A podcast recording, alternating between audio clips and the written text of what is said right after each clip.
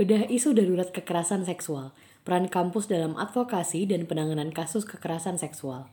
Lembaga Pers Mahasiswa Situs FIB UNER mengadakan bedah isu mengenai darurat kekerasan seksual yang terjadi di lingkungan kampus. Narasumber dalam bedah isu kali ini adalah dua sivitas akademika Eva UNER, yaitu Dwi Rayu Kristianti, dosen dari Fakultas Hukum UNER, dan Apriska Widianjela, mahasiswa Fakultas Hukum UNER sekaligus koordinator Aliansi Kampus Darurat Kekerasan Seksual atau KDKS. Materi pertama dibawakan oleh Ibu Dwi Rahayu Kristianti mengenai peraturan di Indonesia yang mengatur tentang kekerasan seksual, dari mulai konstitusi UUD NRI 1945 hingga peraturan di kampus. Beliau juga menjelaskan bahwa dalam KUHP tidak diatur secara spesifik mengenai kekerasan seksual. Yang ada hanyalah peraturan mengenai pemerkosaan, pencabulan, dan zina. Kekerasan seksual menurut KUHP masuk dalam ranah pelanggaran terhadap norma kesusilaan. Ada juga Permendikbud yang mengatur mengenai kekerasan seksual yang seharusnya memberikan angin segar, tetapi berhenti seperti RUU PKS.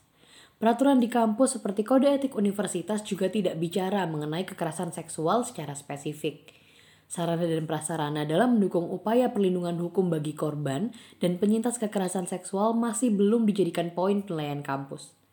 Materi kedua dibawakan oleh Apriska Widi Angela yang memaparkan data survei bahwa terdapat setidaknya 174 kasus kekerasan seksual yang terjadi di 29 kota dari 79 perguruan tinggi di Indonesia dan kebanyakan perguruan tinggi yang berada di Pulau Jawa. Oleh karena itu, Angel beserta rekan-rekannya di Komite PAKG Amnesty International Indonesia Chapter UNER membentuk aliansi KDKS untuk bergerak melawan kekerasan seksual yang telah menjamah ruang pendidikan yang seharusnya menjadi ruang aman. Aliansi ini juga diikuti oleh ormawa-ormawa lain seperti Girl Up UNER, Hope Helps UNER, dan BEM serta BLM dari berbagai fakultas di UNER. Diketahui masih banyak mahasiswa yang belum paham tentang apa itu kekerasan seksual, apa yang harus dilakukan saat mendapat atau melihat kekerasan seksual, dan bagaimana prosedur pelaporan kasus kekerasan seksual ke pihak kampus.